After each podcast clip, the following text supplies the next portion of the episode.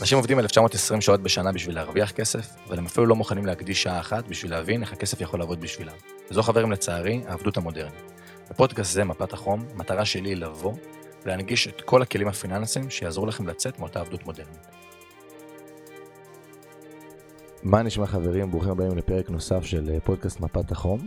אה, אז כמו שאתם אה, שמתם לב, בשבועות האחרונים טיפה לא, לא עלו פרקים, לתת לכם אתנחתא לסיים את כל ה-15 פרקים שעלו לפני כן. ואמרתי שאני מתחיל להקליט את הפרקים הנוספים, אני חייב להביא מישהו בומבסטי, שגם ירענן וגם יגרום לצופים ולמאזינים לרצות לשמוע את הפרק. אז היום אני מארח בן אדם מקסים, אה, שיספר על עצמו והכל בשם אה, נועם אשפלטר. שלום נועם, מה נשמע? אהלן אהלן.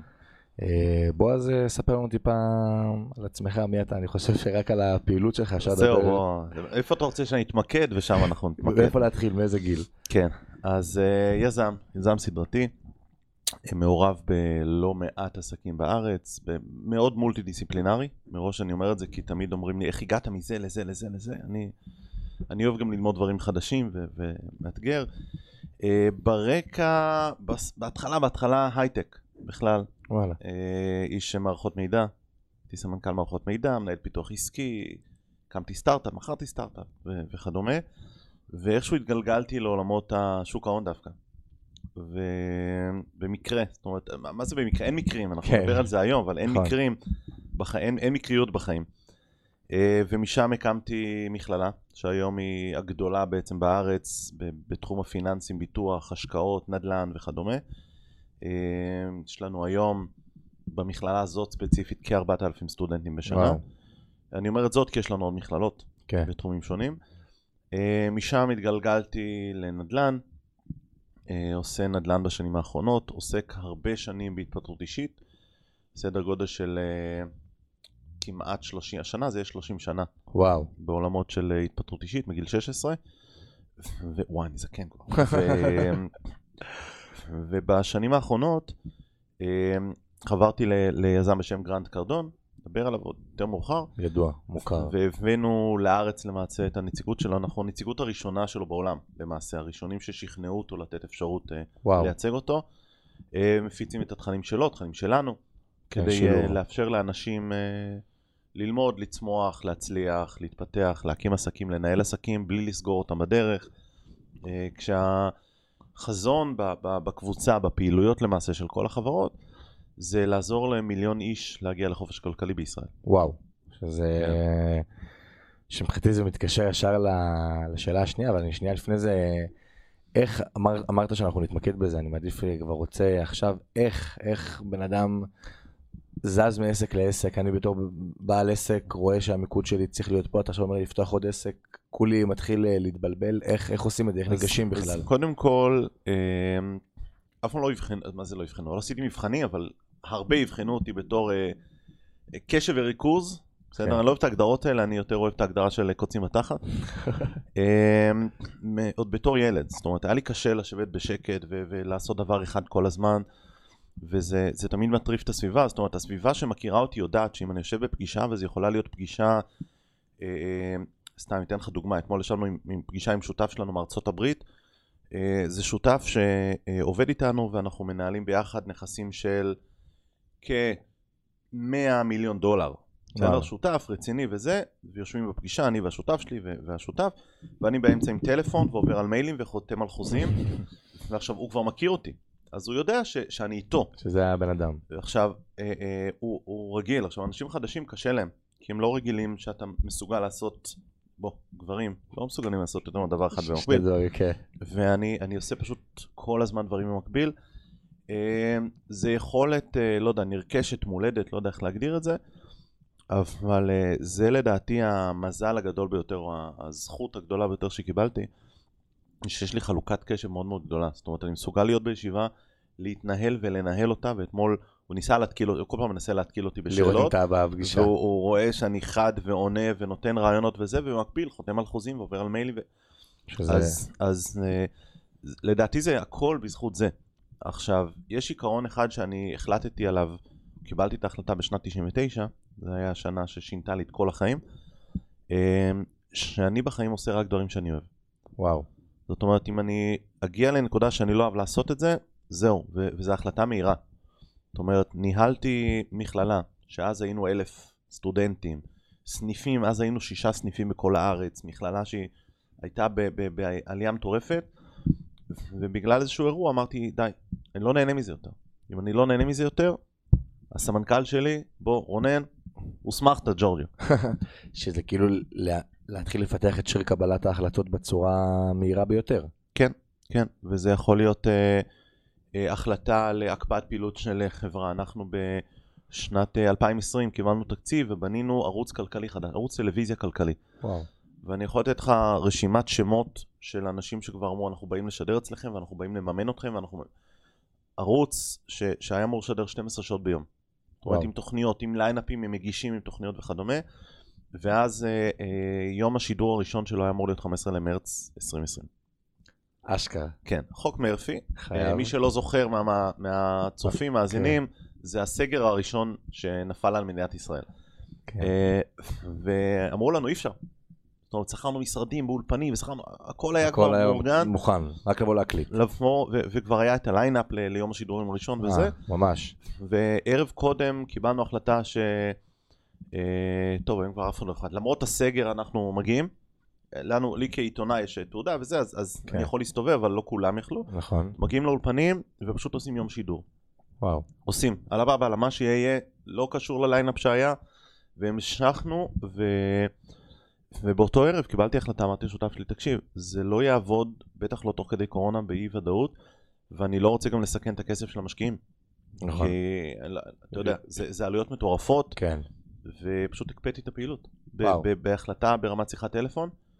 אמ, נחזור לזה, זאת אומרת יש לי יודע, תוכנית עסקית מלאה לערוץ כלכלי, כולל תוכניות, כולל אה, חוזים לקבל... אה, אה, מפרסמים. לא רק מפרסמים וזה כבר היה, ונותני חסות וחברות ומגישים וזה, כולל תוכן אמריקאי, וואו. שקיבלנו אישור להשתמש בו.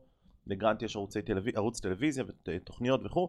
הוא אמר לי, נועם, אתם מקימים ערוץ כלכלי, מה, שת... מה ששלי שלך, אל תשלם לי כלום. וואו. תפיץ את הידע. אשכרה. מדובר על, על עשרות תוכניות. כן. Uh, וזה משהו שהוא באמת היה אמור להיות שובר, שובר שוק בארץ. נכון. כי אין ערוץ כלכלי, אין. וזה לא היה אמור להיות ערוץ כלכלי על בורסה וכדומה, זה אמור להיות ללמד את הקהל ושיעורי לימוד, ש, שילמדו ו, ומה מאחורי הקלעים וכדומה. ו... ערוץ שהוא מאוד מאוד מנגיש ל... ערוץ שמנגיש לקהל הרחב מה זה השקעות ומה זה נדל"ן ומה זה כלכלה ומה מדברים וכל מה שאתה קורא בעיתון, איך להבין את זה כן. וכדומה.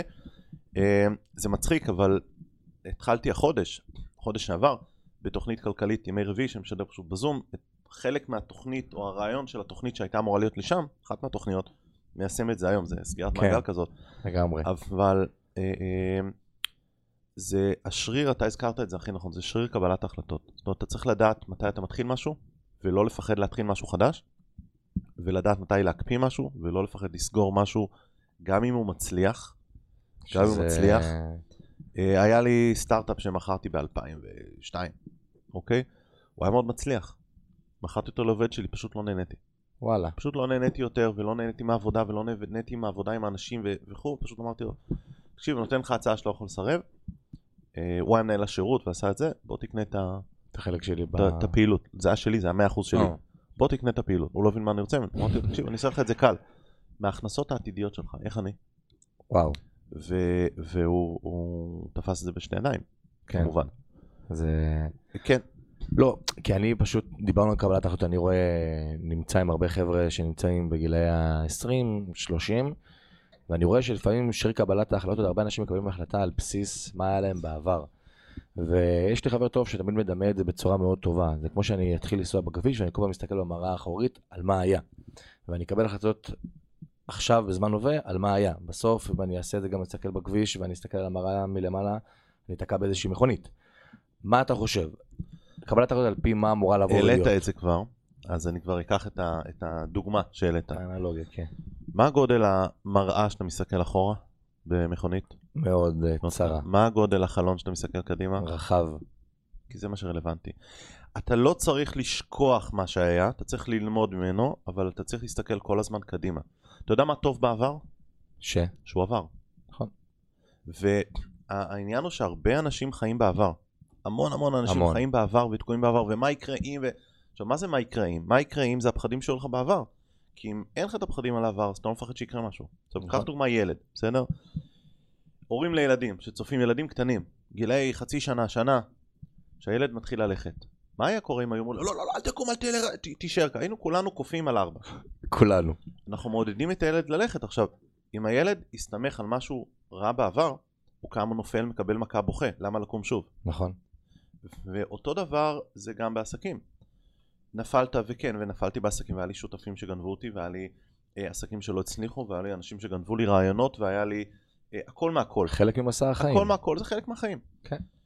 ואם תסתכל כל הזמן בעבר, אתה תחיה בעבר, ולא תוכל לפתח שום דבר, לא תוכל לצמוח. ואגב, המערכת כולה בנויה בללמד אותנו לא לחשוב בגדול, ולא להסתכל קדימה, ולא לקחת אפשרויות, ולא לקחת הזדמנויות, ו... כי אם כולם יהיו ככה, אז המערכת תקרוס. בול. וכל המערכת ה- ה- הכלכלית, קצת שונה מהנושאים שרצינו לדבר, אבל זה חשוב ומהותי שיבינו, כל המערכת הכלכלית העולמית בנויה על זה שהאוכלוסייה תישלט על ידי מיעוט. כן. זה המערכת העולמית, בסדר? זה, האוכלוסייה תישלט על... מה זה בית ספר? זה, מה זה בית ספר? בהגדרה שלך, מה זה בית ספר? בתי ספר, מערכת החינוך. מערכת שאמורה, מה אני הייתי חושב שזה אמור להיות? מערכת שאמורה להתנות אה, הרגלים וכישורים לא לחיים. מה אמור להיות, מה זה קורה. מה קורה בפועל? כן. פשוט מכניסים לכיתה, מלמדים נושאים ששייכים לשנת אה, 1930, 40, 50, ומצפים שזה יהיה רלוונטי לימינו אנו. מתכנתים אותנו לחשוב כמו שהמערכת רוצה. בול. זה הכל, יפה. זה הכל. כן. זאת אומרת, אם ילד בא ושואל שאלה והמורה נותנת לו תשובה כמו זה לא למבחן או זה לא רלוונטי, המערכת באותו רגע נכשלה. כי מלמדים את הילד אל תחשוב, אל תשאל שאלות, אל תהיה סקרן, אל ת... מלמדים אותם לא לחשוב את משהו לא רלוונטי למבחן או משהו לא קשור וכדומה, וזה, וזה לא משנה אם המורה יודעת את התשובה או לא. כן. אגב, לי פעם אחת העיפו אותי בכיתה י"א, לא אשכח את זה לסגן מנהל, כי שאלתי מורה אה, שאלה, והיא אמרה לי זה לא רלוונטי, שאלתי שוב, היא אמרה לי זה לא למבחן, שאלתי שוב, היא אמרה לי זה לא למבחן, אני לא אגע בזה, פשוט אמרתי לה, אם את לא יודעת את התשובה תגידי אני לא יודעת, אני אבדוק, אל תגידי זה לא למבחן. זה גדול. ו- ו- ו- וזה בדיוק העניין. הבעיה היום במערכת החינוך, כמו שאני רואה את זה, בסדר? זה שא', לא מלמדים מקצועות חשובים לחיים, לא מלמדים חשיבה יצירתית, לא מלמדים חינוך פיננסי, לא מלמדים צמיחה כלכלית, לא, למד... לא מלמדים mindset של הצלחה. לא מלמדים לא דב- מלמדים את זה. כלום. לא מלמדים עכשיו- דברים שאתה יוצא יום אחרי זה לאזרחות, נכון. אתה משתמש בהם. עכשיו, שלא, שלא תבינו לא נכון, אני כן חושב שהיסטוריה זה דבר מאוד חשוב, כי מהעבר אפשר ללמוד לעתיד. נכון. אוקיי? וספרות זה חשוב כדי לפתוח את החשיבה.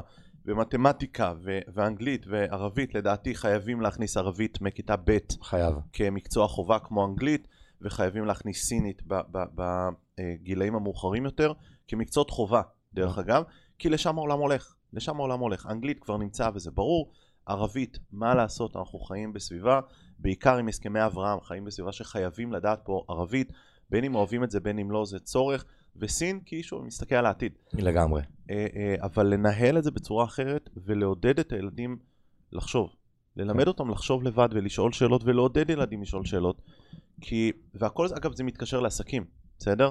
אני, אני, אני לא סתם מדבר על זה, כי כשבן אדם בא להקים עסק, הוא צריך להסתכל קדימה. מה האפשרויות, מה ההזדמנויות, מה אפשר לעשות, ללמוד מהעבר, נכון. ללמוד מהעבר, להסיק מסקנות. להסיק מסקנות ולהסתכל קדימה.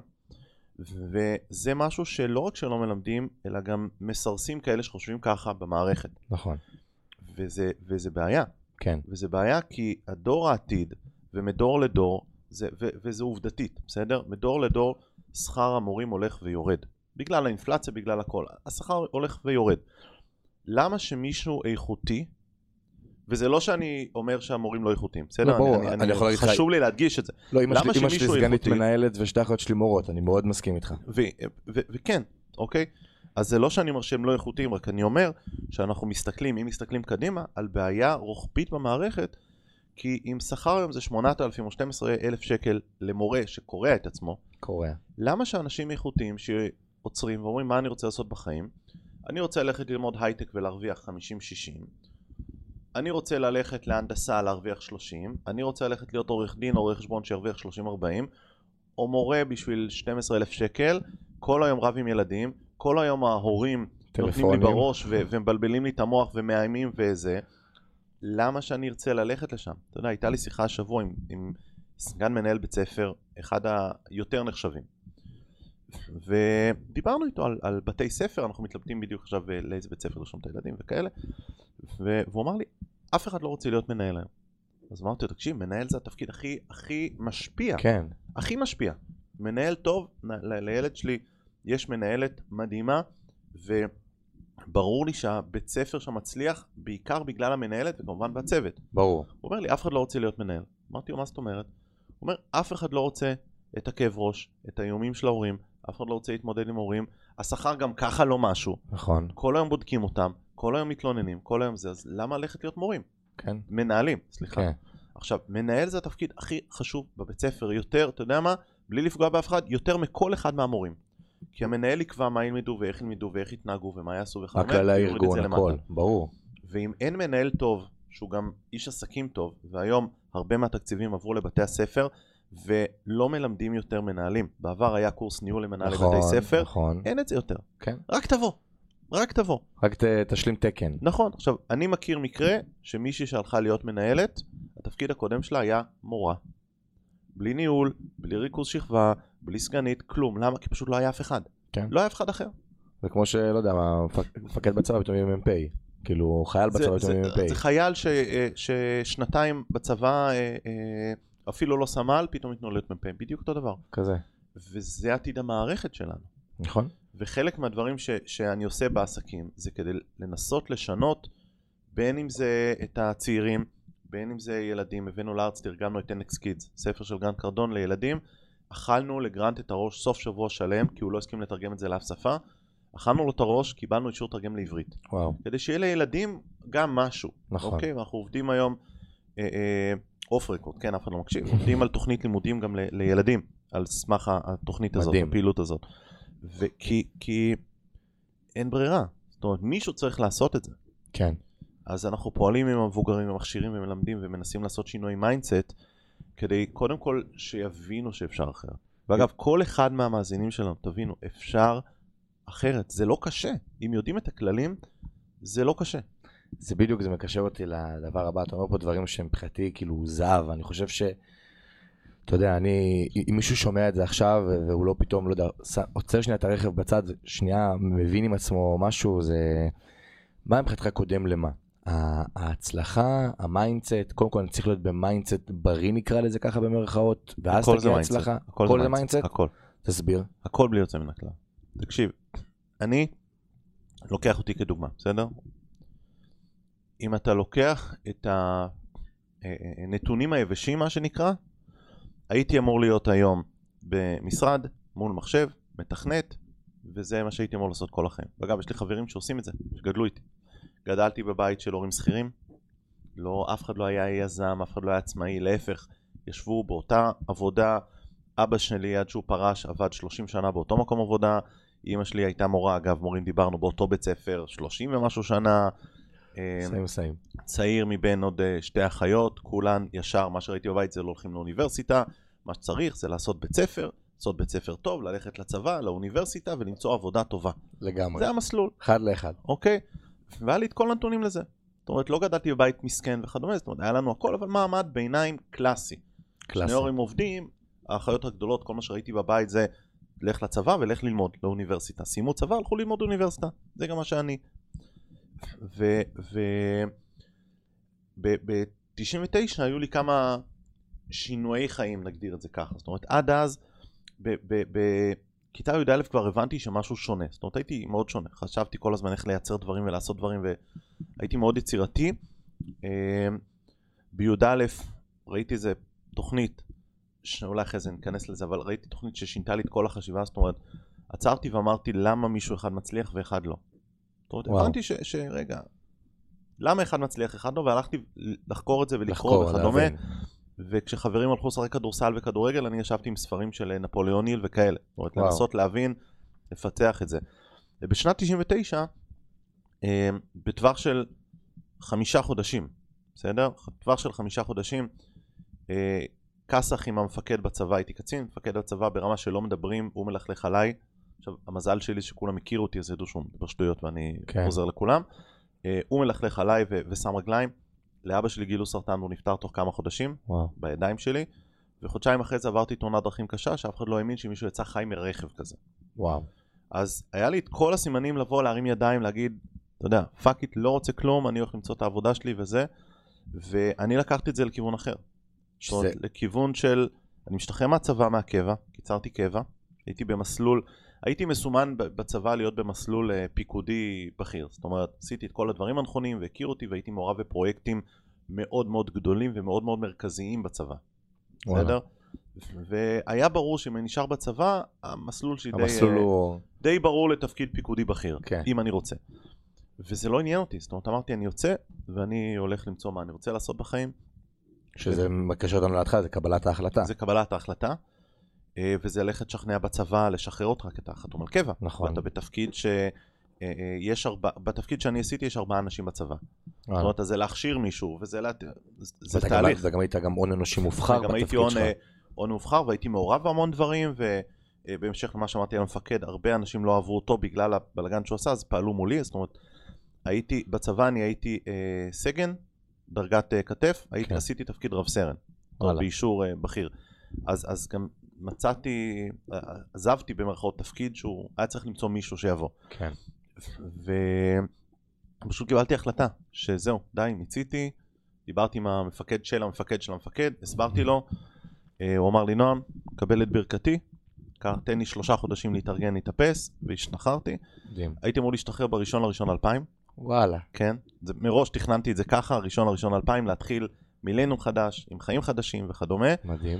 אה, למזלי הראשון לראשון היה שבת, והשתחררתי בשני לראשון, 2000. אה, נורא התבאסתי, כי תאריך כן. שחרור שני לראשון ולא ראשון לראשון, זה היה נכון. נורא מבאס. אה, ופשוט הלכתי לעבוד. יום אחרי זה כבר התחלתי עבודה חדשה בתור מנהל פיתוח עסקי בחברת סטארט-אפ, שהוא אמרתי לך הייטקיסט כן. וכו', ומשם התגלגלתי. כל הדברים ש, שאני עושה פשוט, שוב, חוזרים לשאלה הראשונה שלך, קוצים בתחת. לא מסוגל לשבת במקום אחד. איך אז בן אדם ששומע עכשיו את הפרק יכול להתחיל לפתח mindset? מה זה? זה קריאת ספרים, זה, זה אפרמציות חיוביות, זה זה...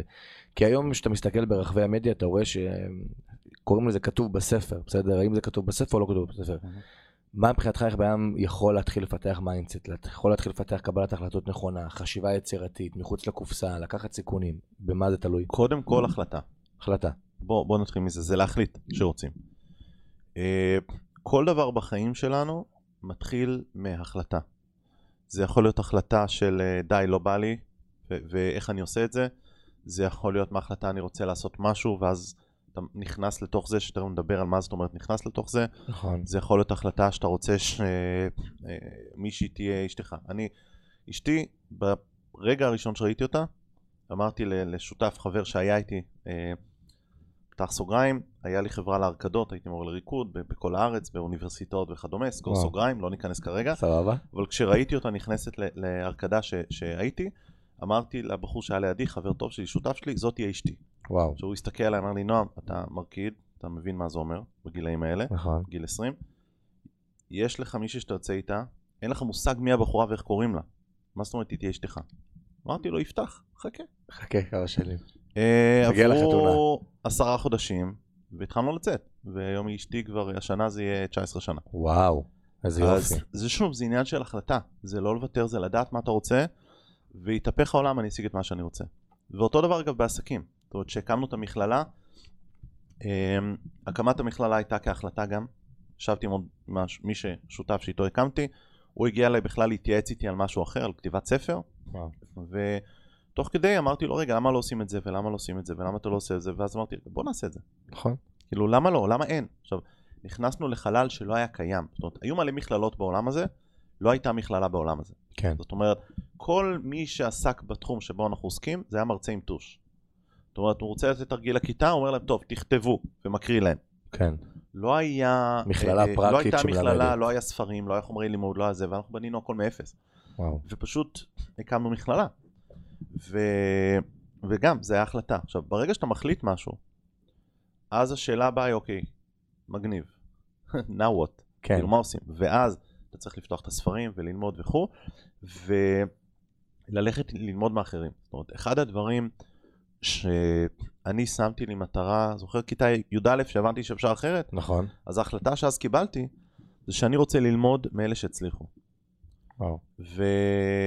ומאז הרבה שנים, כמעט 30 שנה, אני מקדיש אנרגיה רבה בלהגיע לאותם אנשים.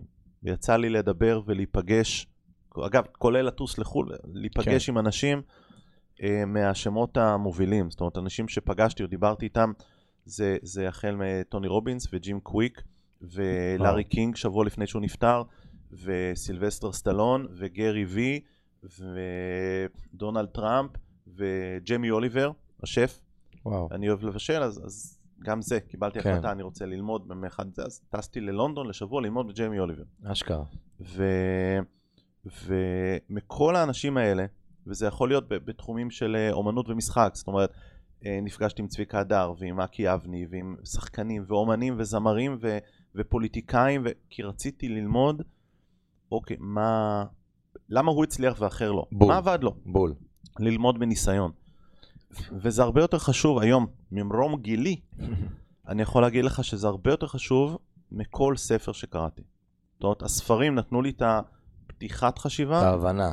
על לדבר עם האנשים האלה, להבין איתם, לשבת ל, ל, לקפה עם יצחק תשובה או עם uh, רמי לוי, או לשבת עם uh, עמוס שפירא, שהיה מנכ"ל אלה כן. סלקום וכו', ולהבין איך הם חושבים ואיך הם עושים את זה. ואיך הם מתנהלים. ואיך הם מתנהלים. מה מניע אותם, הכל. זה דברים שונים לחלוטין. ו, וזה, ושוב, ואמרתי קודם מולטי דיסציפלינרי, כי אני גם מנסה ללמוד מאוד מולטי דיסציפלינרי. זה יכול להיות לשבת לארוחת צהריים עם אה, גלן סנפורד, עם גלן סטרנס, סליחה. כן. אה, הבעלים של חברת המימון השנייה בגודלה בארצות הברית, ויומיים אחרי זה לשבת עם סטוד מאייר, ולדבר איתו ב- ב- על, על כדורסל. כן. ועל איך הוא הצליח וכדומה.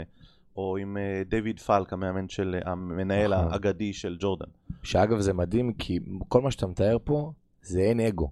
הרבה אנשים יש להם לפעמים אגו של, מה, אני אלך ללמוד ממנו? כאילו זה לפעמים יוזיל אותי טיפה, כאילו, אני, מה, אני אלך ללמוד... אין אתה אומר, בדיוק. מי שרוצה להצליח, אגב, זה, זה משהו שלמדתי, ולקח לי זמן, בסדר? כשהייתי צעיר לא הבנתי את זה. כשהייתי צעיר לא הבנתי את זה, היום אני יכול להגיד שזה הדבר החשוב ביותר שמאפשר הצלחה. שימו את האגו בצד. לגמרי. אגו יפריע לכם בצמיחה, ב- בלמידה, בהתנהלות, בהצלחה עסקית, ביצירת הכנסות. אגו זה משהו שאם תשימו אותו בצד, החיים שלכם יהיו בשמיים. כן. ו... וזה משהו שלא מבינים, אגב, בעיקר צעירים לא מבינים את זה. כן. מה, אני, ו... אז מה אם אתה? כן. אתה ואתה. אני, תקשיב, אני, שאני מחשיב את עצמי מישהו רציני שמכיר הרבה אנשים וזה, הלכתי להביא קפה מהצד השני של המלון לגלן סטרנס, ואני חיכיתי רבע שעה על הקו כשדיברתי עם אה, דויד פלק, כי באמצע הוא קיבל שיחה מביל קלינטון וישבתי כמו דביל וחיכיתי. יש לי את זה בזום, יושב ומחכה, שהוא יסיים את השיחה. אז מה? נכון. כאילו, אתה רוצה להשיג משהו, do whatever it takes. אני גם תמיד אומר, יש משפט שאני מאוד אוהב, ששום דבר לא אפשרי עד שמישהו עושה את זה. הרבה פעמים אנחנו אומרים, נכון. זה לא אפשרי לצאת לחופש כלכלי, וזה לא אפשרי להתפרנס משוק ההון, וזה לא אפשרי להקים עסקים במדינה, וזה לא אפשרי להצליח בישראל, כי המיסים פה הורגים. אני אומר, סבבה, אם מישהו עשה את זה, זה אפשרי. וגם ואז... מישהו לא עשה את זה, זה אפשרי. נכון. ואז אני, כי תמיד מישהו הראשון שהוא עשה את זה, ואז לפני זה לא היה נראה אפשרי. ואז אני אומר, הדרך הכי קלה זה באמת לבוא וללמוד, לאמץ את אותם עקרונות, לא לחכות אותו אחד אחרי השני, כי אתם בני, בני אדם שונים, אבל להבין מה העקרונות שהובילו אותו להצלחה, ולהנחיל את זה על העסק שלך. תראה, הצלחה משאירה סימנים. זה משהו שלמדתי.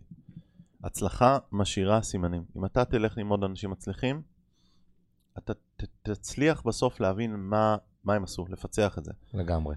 אמ, ואגב, לדעתי, מי שרוצה להבין הצלחה, אסור לו להתמקד בתחום אחד. זאת אומרת, מי שרוצה להיות זמרת, לא יכולה ללמוד רק זמרות. ללא ספק. היום בעיקר לא. בכל תחום. נכון. כי, כי ו, וראית את רשימת השמות, וזו רשימה קצרה מתוך רשימה של אנשים ש, שדיברתי ונפגשתי, כי ניסיתי לחקור. מה? ורציתי לראות, רגע, גם בתחום הזה זה ככה וגם בתחום הזה, אני יכול להגיד לך אחרי שיחות עם באמת עשרות רבות של אנשים כאלה, מכל העולם, כולם בסופו של דבר בשורה התחתונה עשו את אותם דברים כדי להצליח. כולם, שזה... כולם, בין אם זה, הנה הנציגה שלנו לאירוויזיון אגב, את אותם דברים, היא התראיינה ודיברה, יצא לי גם לפגוש אותה פעם, ו- ואת אותם סיפורים שהיא אמרה לי על ה mindset, על הפעולות, על ההתמדה, בואו ניקח לצד השני של התחום הכי לא זמר וכדומה, דיוויד פלק המאמן של ג'ורדן אמר. אותם כן. דברים בדיוק. שזה... אותם דברים בדיוק. אותה התנהלות, אותו דבר, וזה משהו שרואים אותו שוב ושוב. ואגב, שהדברים האלה אם נלך ל- ללמוד את ווינסטון צ'רצ'יל, שלמדתי אותו, אותם דברים בדיוק. אותם דברים בדיוק. אותה התנהלות, אותו mindset, אותם פעולות, אותו דבר. שוב, זמרת, איש עסקים בכדורסל ו- ומנהיג העולם המערבי. כן. אותם עקרונות. וזה מתחיל שוב, חוזר, מחזיר אותך להתחלה, ל mindset. אחרי ה mindset, ללכת ללמוד מי שכבר עשה את זה, ולא wannabes, ולא ממי שמספר שהוא עשה את זה. כן. אוקיי? למישהו שבאמת עשה את זה. למישהו שבאמת עשה את זה ויש לו קבלות, ולא עשה את זה פעם אחת, אלא מי שעשה את זה כמה פעמים, כי פעם אחת זה יכול להיות פוקס. נכון. אוקיי? אבל כשאני מדבר על הצלחה, זה הצלחה פעם אחרי פעם אחרי פעם, או לאורך זמן, ללא משהו חד פעמי. ודיברנו נועה קירל. נועה קירל לא הצליחה בגלל להיט אחד. נכון. היא הצליחה בגלל רצף ארוך מאוד של להיטים. יש לך ים זמרות בארץ שיש להם להיט אחד, ואם אני אגיד לך, אוקיי, מה עוד היא שרה, אתה תשב ותגיד. ככה. אה, לא יודע. כן. מלא. זה הצלחה בפוקס. נכון. זה לא הצמחה, זה לא הצלחה ב- ב- עם התמדה. של צמיחה אקספוננציאלית של שיר אחרי הזמן. שיר אחרי שיר. ותעשה, היא, היא בת 22. כן, זה, זה, וכאילו זה מדהים. 22 זה... וזה נראה כאילו היא פה מאז ומעולם. בגלל הפעולות שהיא עשתה, בגלל הפעולות שהיא עשתה, ואני לוקח את זה כדוגמה שוב, כי עכשיו זה, עכשיו זה, זה הזמן, ו... בדיוק. מדברים. אז, אז דיברנו על מיינדסט והבנו שהדבר הזה הוא, הוא מפתח, אני מסכים איתך בצורה לא נורמלית, אני תמיד אומר שכסף הוא תוצר לוואי של הפעולות שאנחנו עושים. הצלחה. נס... בדיוק, הצלחה. בואו נחליף את המילה כסף, כי הצלחה היא לא רק כסף. תסביר. יש משפט של גרנט, It's not what you know, it's who you know. עכשיו, כשמדברים על הצלחה, והרבה פעמים אנשים מסתכלים על הצלחה ככסף. יש לי כסף, הצלחתי. לא, אתה לא. זה שיש לך כסף לא אומר שהצלחת. נכון. כי אם אתה לבד בחיים ויש לך כסף, לא הצלחת. הזכרנו, אתה יודע, דיוויד פלק. דיוויד פלק אה, אה, היום מאוד שונה ממה שהוא היה כשהוא היה צעיר. כשהוא היה צעיר, כשהוא מכר את החברה, כל מה שעניין אותו זה הכסף. ו- ויש משפט, עכשיו גם יש סרט על זה, בגלל זה נזכרתי. כן. הוא אמר, כשאני אמכור את החברה, יהיה לי מספיק כסף למצוא חברים. וזה הפוך. לגמרי. זה הפוך. קודם כל תמצא את החברים, זה יעזור לך לעשות את הכסף. והוא אמר לי באחת השיחות שדיברנו, הוא אמר, תקשיב, אחד הדברים שאני מצטער עליהם, זה שלא עשיתי את החברים לפני. כי אז א' הייתי יודע שזה חברי אמת, נכון. ב' הם היו הולכים איתי לאורך הדרך, ואולי לא הייתי עושה טעויות שעשיתי בדרך. לא ספק. ואגב, שוב, אגו וכדומה. אז כשאנחנו מדברים על, על מיינדסט ועל הצלחה, הצלחה זה לא רק כסף. מי ששם לו את הכסף כ- כיעד, יהיה לו הרבה יותר קשה להגיע לשם, וכשהוא יגיע לשם, יהיה לו חלל מטורף, והוא לא יודע מה לעשות עם עצמו. מדהים, אני, אתה מזכיר לי סיפור שהיה לפני איזה חצי שנה בעסק, היה לי איזה עסקה מוצלחת וקיבלתי סכום של כסף משמעותי, אמרתי שאני אגיע לשם, בסדר, בתיק השקעות שלי, זהו, נגמר אירו.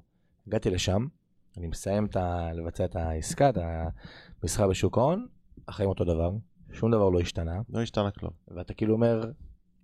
מה, מה עכשיו? כן, כזה. ואז כמו שאמרת, אתה מבין שכסף הוא לא אמור להיות ה... המטרה שלך, בסדר? זה לא ברגע שאני אגיע למחזור מסוים, אז הצלחתי. לא.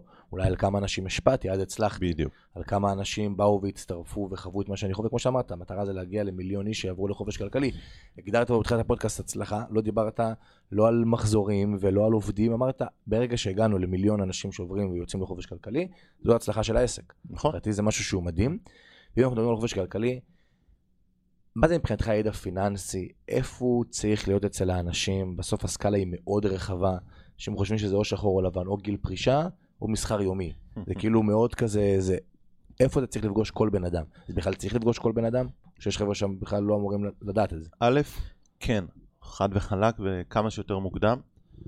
אה, שוב, יש לי המון דעות על איך ללמד את זה ומערכת החינוך, החל מהגן וכדומה, אבל העניין של, של חינוך פיננסי או התנהלות פיננסית זה קודם כל להבין שכסף הוא כלי, הוא לא יעד, אגב ההצלחה וכדומה. כן. הוא לא יעד, הוא כלי להשיג דברים אחרים. עכשיו, אתה צריך לשאול את עצמך, אוקיי, מה אני רוצה להשיג? כי אם אתה לא יודע מה אתה רוצה להשיג, אז כמה כסף אתה צריך. נכון. אם הכסף זה המטרה, כמו שאמרת, אני אגיע לשם ואז אני אסתכל במראה ואני אגיד, אוקיי, now what? כאילו. בול. מה, מה אני קם בבוקר בשבילו? זה כמו להיכנס למטווח ולהתחיל לראות בלי מטרה. הכדור יצא מהקנה. נכון. אבל לאן? הוא גם יפגע במשהו. בדיוק. שאלה אבל... במה, ומה זה ייתן לך, ומה זה יקדם אותך, ו... בול. ואיך מודדים וכו' וכו' וכו'. והעניין הוא שאנשים, הדור הזה, לא רק הדור הזה, הדורות האחרונים, ב-30-40 שנים האחרונות, מונעים מדברים אחרים, מונעים מכסף, מונעים מאגו. אגב, דיברנו על זה קודם. נכון. שיראו מה יש לי, מה ההשוואתיות וכל הזה. אה, אה, וזה גורם להם לעשות המון המון טעויות כלכליות בדרך. אתה יודע, כמו שעונים יקרים ומכוניות, ויש לי חבר עכשיו שקנה קורבט. שאלתי אותו, למה? אז אמרתי לו, אתה לא צריך להוכיח לסביבה שלך, הם יודעים. כן. הרכב הקודם שלו גם היה רכב אה, מאוד, פואר. שברור שיש לו. אז הוא אמר לי, אחי, זה לא בשבילם, זה בשבילי. זה בשבילי לדעת שאני יכול לקנות קורבט במזומן, כשכשילד לא היה לי כסף לקנות ארטיק. וואו. הוא אמר, זה בשבילי, אני לא יודע כמה אני אסע עם זה, והקנייה זה בשבילי. זה משהו סימבולי עבורי. לא בשביל מישהו אחר. כן. והרבה פעמים אנשים רואים את זה, והם, שוב, גם הרבה פעמים אלה שקונים, קונים את זה בשביל השופוני ולהראות. נכון. אבל, אבל אגב, שוב, אגו. אתה רואה, כן. כל פעם זה, זה סביב זה. אז כשאני מדבר על חינוך פיננסי, זה להבין איך להתנהל. זה להבין שאתה קונה דברים אם יש. אם אין לך, אל תקנה. ואם uh, אתה רוצה לנסוע לטיול, אז כמה כסף יש, כמה תקציב, ולפי זה תחליט לאן, ולא ניסע לחו"ל, ואז אני אקח הלוואה בשביל לכסות את זה, ואני לא יודע איך אני אשלם את ההלוואה. אתה יודע, בהלוואות יש קטע כזה. צריך להחזיר אותם. כן. בסוף צריך להחזיר. חייב, בסוף אנשים לא מבינים את זה. ו- וזה כל הדברים האלה, וזה ללמד אנשים ש- שאיך להתנהל, ומה זה הכנסות, ואיך הבנקים עובדים, ואיך חברות עובדות, ולמה שמישהו ישלם מה זה כסף בכלל? מה זה כסף? מה המשמעות שלו? כן. וסתם דוגמה, אם למישהו יש מיליון שקל בבנק, והוא מקבל ריבית של אחוז, אחוז לשנה, כמה הוא מרוויח על הכסף כל שנה? עשרת אלפים שקלים. אז זהו שלא, כי אנשים לא מבינים שהאינפלציה גומרת לך את הכסף. נכון. אם מישהו יש לו מיליון שקל והוא שם אותו בפיקדון ומקבל אחוז אחד, הוא מפסיד 40 אלף שקל בשנה. כן, הוא מפסיד, כי האינפלציה חמישה אחוז. בול. ולא מלמדים את זה. ועוד הוא מקבל מיסוי על הפיקדון של 15 אחוזים. ועוד על זה הוא מקבל על ה-10,000 שקל האלה. והמיסוי הוא נומינלי, הוא לא ריאלי, אז בכלל. אנשים לא מבינים את זה. ונתון שלפני שבועיים פורסם, לתושבי ישראל יש 600 מיליארד שקל יושבים בחשבונות עו"ש. נכון. זאת אומרת, זה 600 מיליארד שקל שמפסידים 4% כל שנה. זה לא נורמלי. זה, זה, זה פשוט... וזה עוד... בגלל חינוך פיננסי. כן, זה בגלל שאנשים לא מבינים, כי שהיום באלטרנטיבה שלך יש לך קופת גמל להשקעה במסלול מנייתי. יש לך מיליון אלטרנטיבות, נכון. מיליון אלטרנטיבות. ואתה רוצה את הבנק הבטוח עם הפיקדון שנותן לך 4%, וכמו שאמרת, אתה לא מסתכל שנייה על מה שורק לך את הכסף, האינפלציה, אתה לא מסתכל בכלל, נגיד וגם הסתכלת, אתה בכלל לא מסתכל על המיסוי, ואתה לא מבין בכלל מה קורה, ואז אתה לא מבין איפה הדבר הזה... אגב, וזה מתחיל בזה שלא מלמדים את זה, לא מלמדים את זה כי זה כוח שליטה, כסף זה כוח שליטה. וזוכר מה התחלנו לדבר? כן. הרוב רוצה לשלוט על ה... המיעוט רוצה לשלוט על הרוב, וזה אגב בכל העולם, זה לא קשור ימין, שמאל, ישראל, לא ישראל, זה, זה, זה הכל. זה המערכת, כן. בסדר? כבר מאות שנים. מיעוט שולט על הרוב. ואיך שולטים אותו? על ידי ידע ועל ידי כסף. נכון. אם לא נותנים לך ידע נכון לחיים, חסר לך ידע, ואם לא נותנים לך אפשרות לעשות כסף, שולטים על הצד של הכסף, כן, זהו. זה... ואז השליטה היא מוחלטת, ואז אנשים, הזכרת את המשפט קודם, אה, בגלל המיסים אני לא מצליח, בגלל הממשלה, בגלל זה, אני לא יודע, תגיד לי אתה, מתי פעם האחרונה ביבי או גנץ או דרעי או לפיד דפקו לך בדלת ואמרו לך היום אתה לא יוצא לעבודה? לא יודע, לי זה עוד לא קרה. עדיין לא. עדיין לא, לא קרה. בדקתי אתמול, לא, לא, לא קרה. לא דפק בדלת. אז, אז כל הזה שאומרים, המדינה, הממשלה, זה אכלו לי, שתו לי, גנבו לי. שוב, זה המיינדסט. כן. כי כל הפעולות שאתם עושים לא קשורות לממשלה ולרפורמות כאלה או אחרות ולמיסים. מי שמצליח, מצליח. ואיך אני יודע את זה?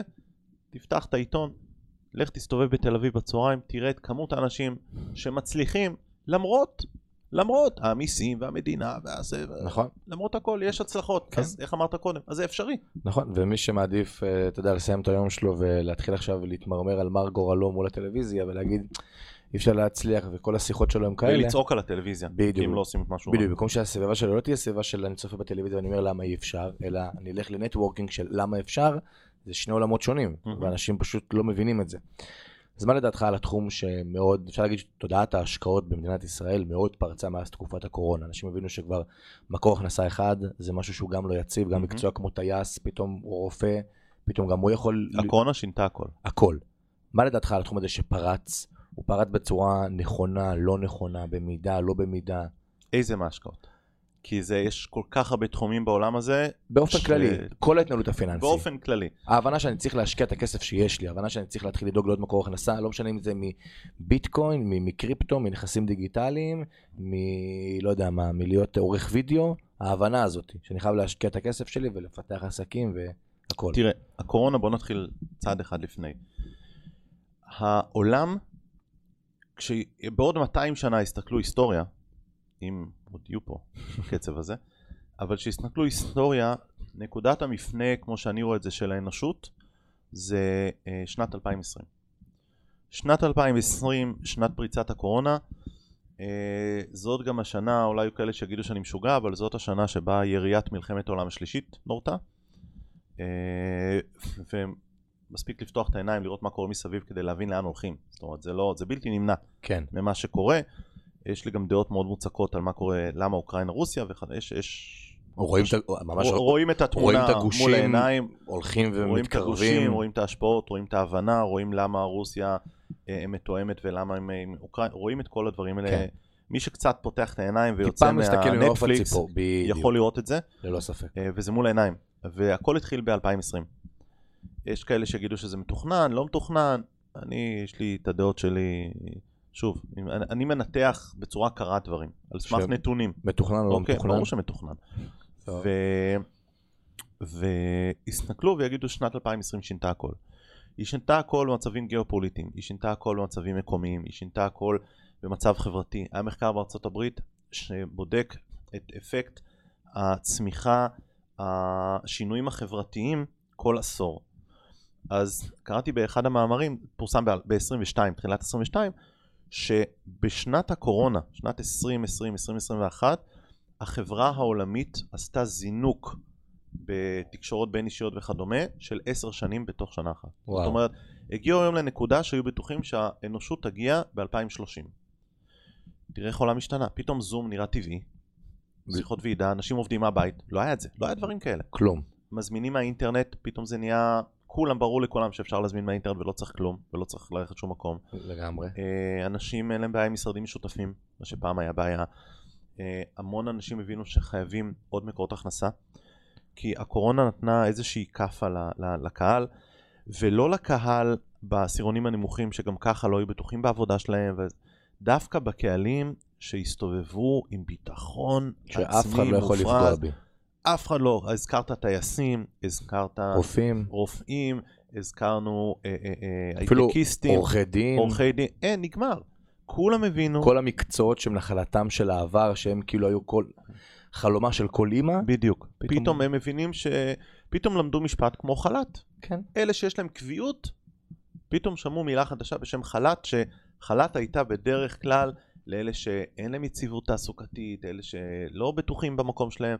ופתאום זה השתנה. וההוצאות ממשיכות לדפוק על הדלת. וההוצאות ממשיכות ברמת החיים הקודמת. נכון. אגב, אם מסתכלים היום על העולם, זה מדהים לראות את זה, אבל יש מחסור עצום של עובדים היום. יש, אה, יש מחסור של 9.8 מיליון עובדים בארצות הברית. רובם במקצועות התעשייה, ייצור, תעבורה, מסחר. כן. רוב המקצועות זה דווקא העשירונים הנמוכים, וזה משתנה. והדבר הבא שישנה את העולם, אחרי 2020, זה שנת 24, שזה שנת פריצת ה-AI. זאת אומרת, היום כולם יודעים AI, ChatGPT, כל הזה. יש לי חברים שחוקרים את זה. והם אומרים, 24 תשנה הכל. כי היום כבר מבינים שכל המערכות AI מחליפות מקצועות מסוימים. לא כן. צריך להם כבר. לפני יומיים פורסמה, פורסם דוח של חברה בשם צ'אג, אם אני לא טועה, בבורסה, שהיא אמרה, המנכ"ל אמר בשיחת משקיעים לאחר מכן, שהם פלטפורמה לקורסים דיגיטליים, mm-hmm. הוא אמר, אנחנו... הוא הולך לסגור. כן, הוא אמר, אנחנו רואים את הירידה נכון. בשימוש בפלטפורמה בעקבות עלייה בשימוש, המניה התרסקה 60-70% מאז. אז הזכרת לימודים דיגיטליים וכדומה, אני יכול להגיד לך שאני שותף בחברה שמתעסקת בבניית קורסים דיגיטליים ובניית מכללות, פלטפורמה למכללות אינטרנטיות, ואני יכול להגיד לך, אתמול נפגשתי עם השותף, השותף המנהל, והוא אמר לי, נועם, תקשיב, אני מתלבט אם להכניס אותך לאולפן להקליט אה, קורס חדש, מיני קורס. אני אומר לו, תשלח לי את החומר, הוא אמר, שלחתי לך, אמרתי לו, איך כבר כתבת? הוא אומר, לא, אני צ'אט GPT 4, החדש, הוא כתב לי את הסילבוס, כתב לי את הקורס, הוא למד מה אתה אוהב, הוא הכניס לו לבדוק כן. איך אני, הוא הכין לי כבר את הסקריפט, אז אני אומר לו, אז מה ההתלבטות? הוא אומר, ההתלבטות, אם להכניס אותך לאולפן, או להכניס, או לתת את זה למערכת AI. כן, איזה סירי שאתה לדבר. זאת אומרת, היום כבר המערכת שלנו, שוב, זו מערכת שהיא עדיין, אה, פיתוח. היא לא בבנייה, היא כבר עובדת, אבל הפיתוח של השלב הבא, כולל כבר שאתה כבעל אה, רוצה לפתוח קורס אינטרנטי, תבוא תגיד לי מה נושא הקורס שאתה רוצה, תגיד לי אם אתה רוצה אישה או גבר, תגיד לי באיזה שפה, המחשב כבר הכין לך את כל הקורס. זה... וזה מדהים, הוא עשה כבר פיילוטים. הוא עשה פיילוטים. וואו. המחשב הקליט לו ב-AI קורס שלם. כן, זה, זה בדברים קטנים. אני פעם הייתי, לפני כמה שבועות עשיתי ניתוח על מניית פוטלוקר, ופעם בשביל למצוא מה הנתח שוק שהיא תופסת משוק הטקסטיל העולמי, היה לוקח לי המון זמן. שאלת את ChatGPT, אומרים לי 8 אחוזים. אתה עובד עם 3.5 או עם 4? עם 4. ופתאום הדבר הזה, הוא כאילו, אני אומר, מה? מה? זו התשובה? זה משנה את העולם. ו-24 זה יפרוץ יותר כי זה יהיה יותר נגיש. מאוד. משנה לשנה זה יהיה יותר נגיש. השנה זה פרץ כי פתאום הם פתחו את זה לקהל הרחב. כן. אבל שנה הבאה זה הולך להיות, בינואר-פברואר, זה הולך להיות מוטמע בכל מערכות אופיס, וגוגל מפתחים, ואילון מאסק. עכשיו, תחשוב שאתה תבוא לוורד, ולא צריך לכתוב עבודה, אתה תכתוב, תכיני לי עבודה על טה-טה-טה-טה של שמונה עמודים, ודרך אגב, תכין לי גם מצגת של עשרה שקפים. כן, אתה גם יכול להגיד לו באיזה צבעים להכין את המצגת, הכל. וזהו, אתה לא צריך כלום חוץ מזה, זה יכין לבד. ואגב, זה מדהים מצד אחד, וזה מפחיד מהצד השני. מאוד. זה... כי כל עוד אין רגולציה, כי כרגע הטכנולוגיה מקדימה את הרגולציה. מאוד. וזה הדבר המסוכן ביותר. נכון. ושוב, העולם משתנה לנו מול העיניים. כן. והמקצועות העתידיים שיהיו, זה לא המקצועות שהיו בעבר. כי היום אתה לא צריך מזכירה. נכון. יש לך מערכות AI, ואתה לא צריך uh, קלדן, יש לך מערכות AI שיודעות לעשות את זה, ואתה לא צריך מתמללים, יש לך מערכות AI שעושות את זה, ואתה לא צריך מתרגמים, כי יש מערכות AI שעושים את זה. כן. אגב, הקורסים שאנחנו, ש, שאנחנו מפתחים, הוא גם אמר לי, אני צריך לבחור באיזה שפה אני רוצה. זאת אומרת, הוא גם יכול להגדיר למערכת, אני רוצה את זה באיטלקית או בספרדית, או בכל השפות שכבר AI עובד בהן. מתחיל להבין אותם, כן. הוא אמר, אני, אני יוצא לעולם. זאת אומרת, כן. מקליט קורס פעם אחת, וזהו. אנחנו גם... פשוט לוחץ על כפתור איזה שפה אני רוצה שזה יהיה. אנחנו גם אומרים חברות, הנה אתמול מנכ"ל IBM בא ומדבר, נכון. ואומר שהם עוצרים גיוס של 7,800 עובדים, אה, מתכנתים אני לא טועה, כי הבינה המלאכותית מחליפה את זה, הוא לא בדיוק פירט מה, ואתה רואה כל יום יומיים. ואגב, תשים לב, אלה מקבלי השכר הגבוהים ביותר. נכון. זאת אומרת, המשבר, הכלכ... המשבר התעסוקתי הבא יהיה דווקא מהעשירונים הגבוהים. וזה, וזה יחלחל לעשירונים התחתונים. שמניעים את הכלכלה. בדיוק. ברגע שהם מניעים את הכלכלה ומפסיקים, העשירונים הנמוכים. אתה יודע, בשבועיים האחרונים פוטרו בישראל מאות, מעל אלף עובדים בתעשיית ההייטק.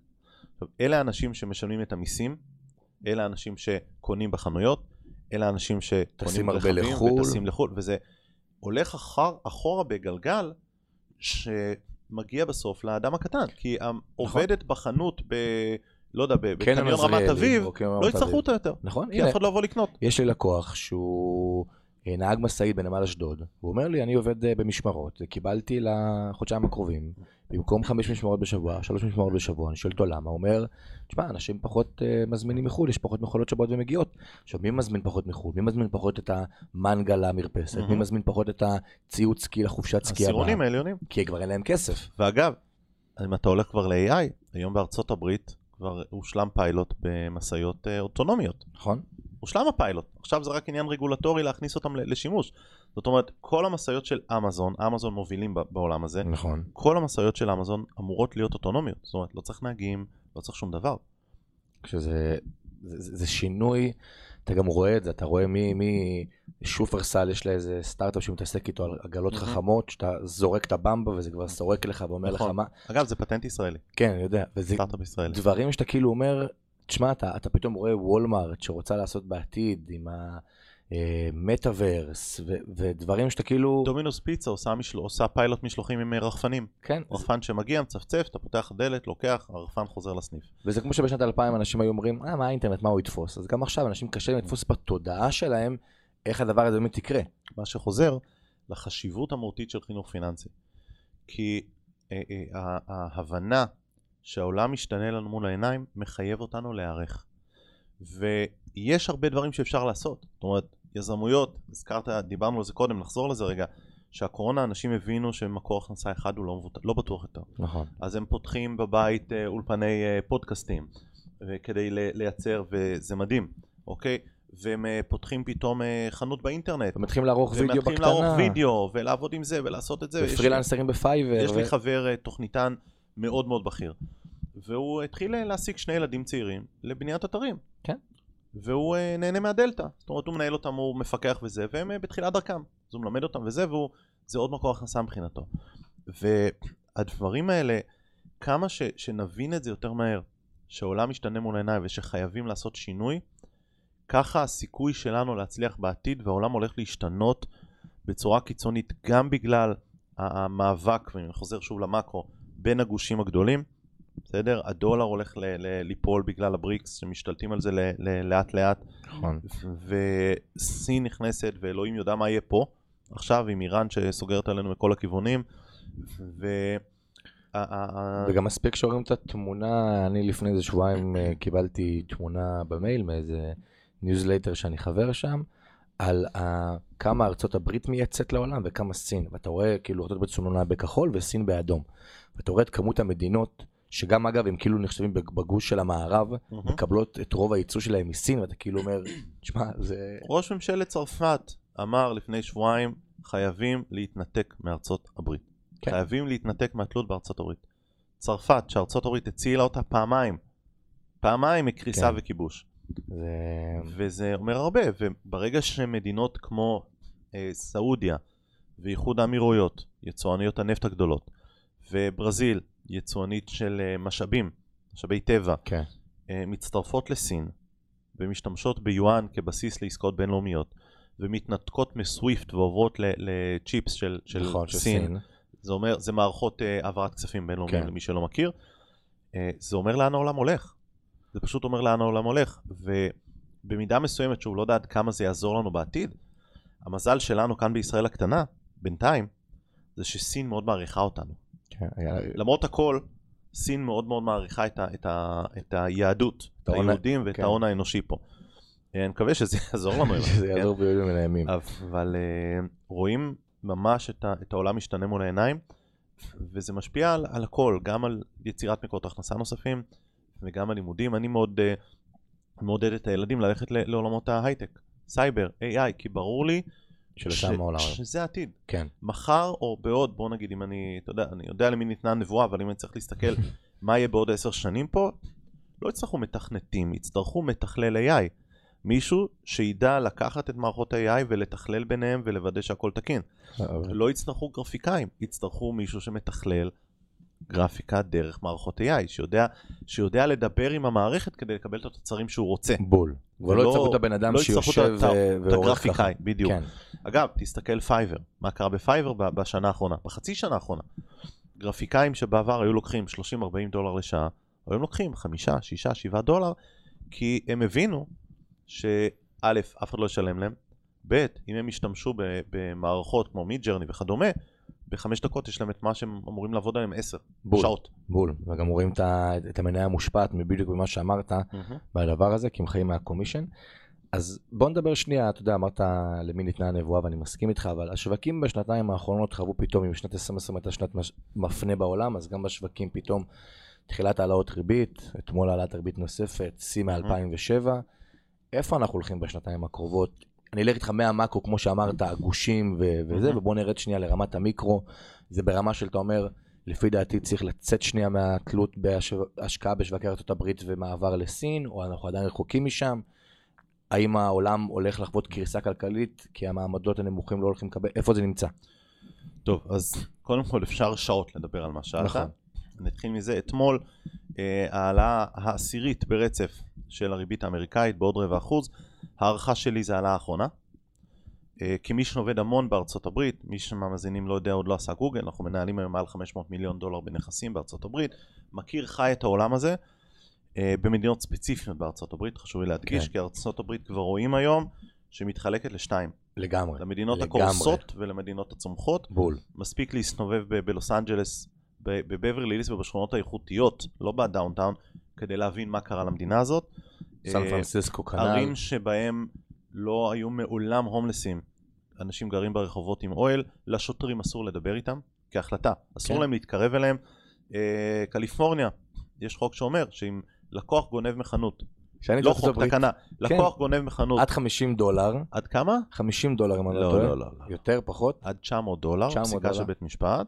עד 900 אה, דולר, זה נחשב, זה לא מפ... אסור להפעיל כנגדו כוח, כן. זה במסגרת הפחת. יש עכשיו, ממש סרטוני טיק טוק שרואים... אנשים באים והשומר אין לו מה לעשות. כן, השוטר מסתכל ככה, הוא רק מדבר איתו כמו כאילו אתה אומר לילד שלך, אל כן. תעשה את זה כזה, ואתה כאילו, מה קורה? זה, עברו איזה קו אדום של פרוגרסיביות שם, שם כן. השתגעו, זאת אומרת, אז המון בעלי עסקים מוצאים את העסקים שלהם מקליפורניה, כי אומרים, אני במדינה שהחוק לא שומר עליי. כן, החוק מאפשר. אפשר לגנוב ממני ואני לא יכול לעשות כלום, ואם אני אמנע מהגנב לעשות משהו, אפעל נגדו, אני אקבל את העונש. הזוי. אה, אז המון המון עוזבים, והם עוברים בעיקר למדינות רפובליקניות, לפלורידה, טקסס וכדומה, כי שם החוקים, שוב, אגב קורונה, שם הוכיחו שהם הרבה יותר uh, בעד uh, חופש.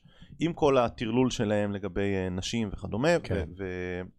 והזוועה, החוקים שהם מעבירים, וטוב שיש שם בית משפט שגם עוצר את זה מדי פעם, אבל עם כל זה, רואים הגירה מטורפת במפת ההגירה של ארה"ב בשנת 22. uh, פלורידה קיבלה יותר תושבים במהלך שנת 22 יותר תושבים מכל מדינות הברית ביחד. וואו.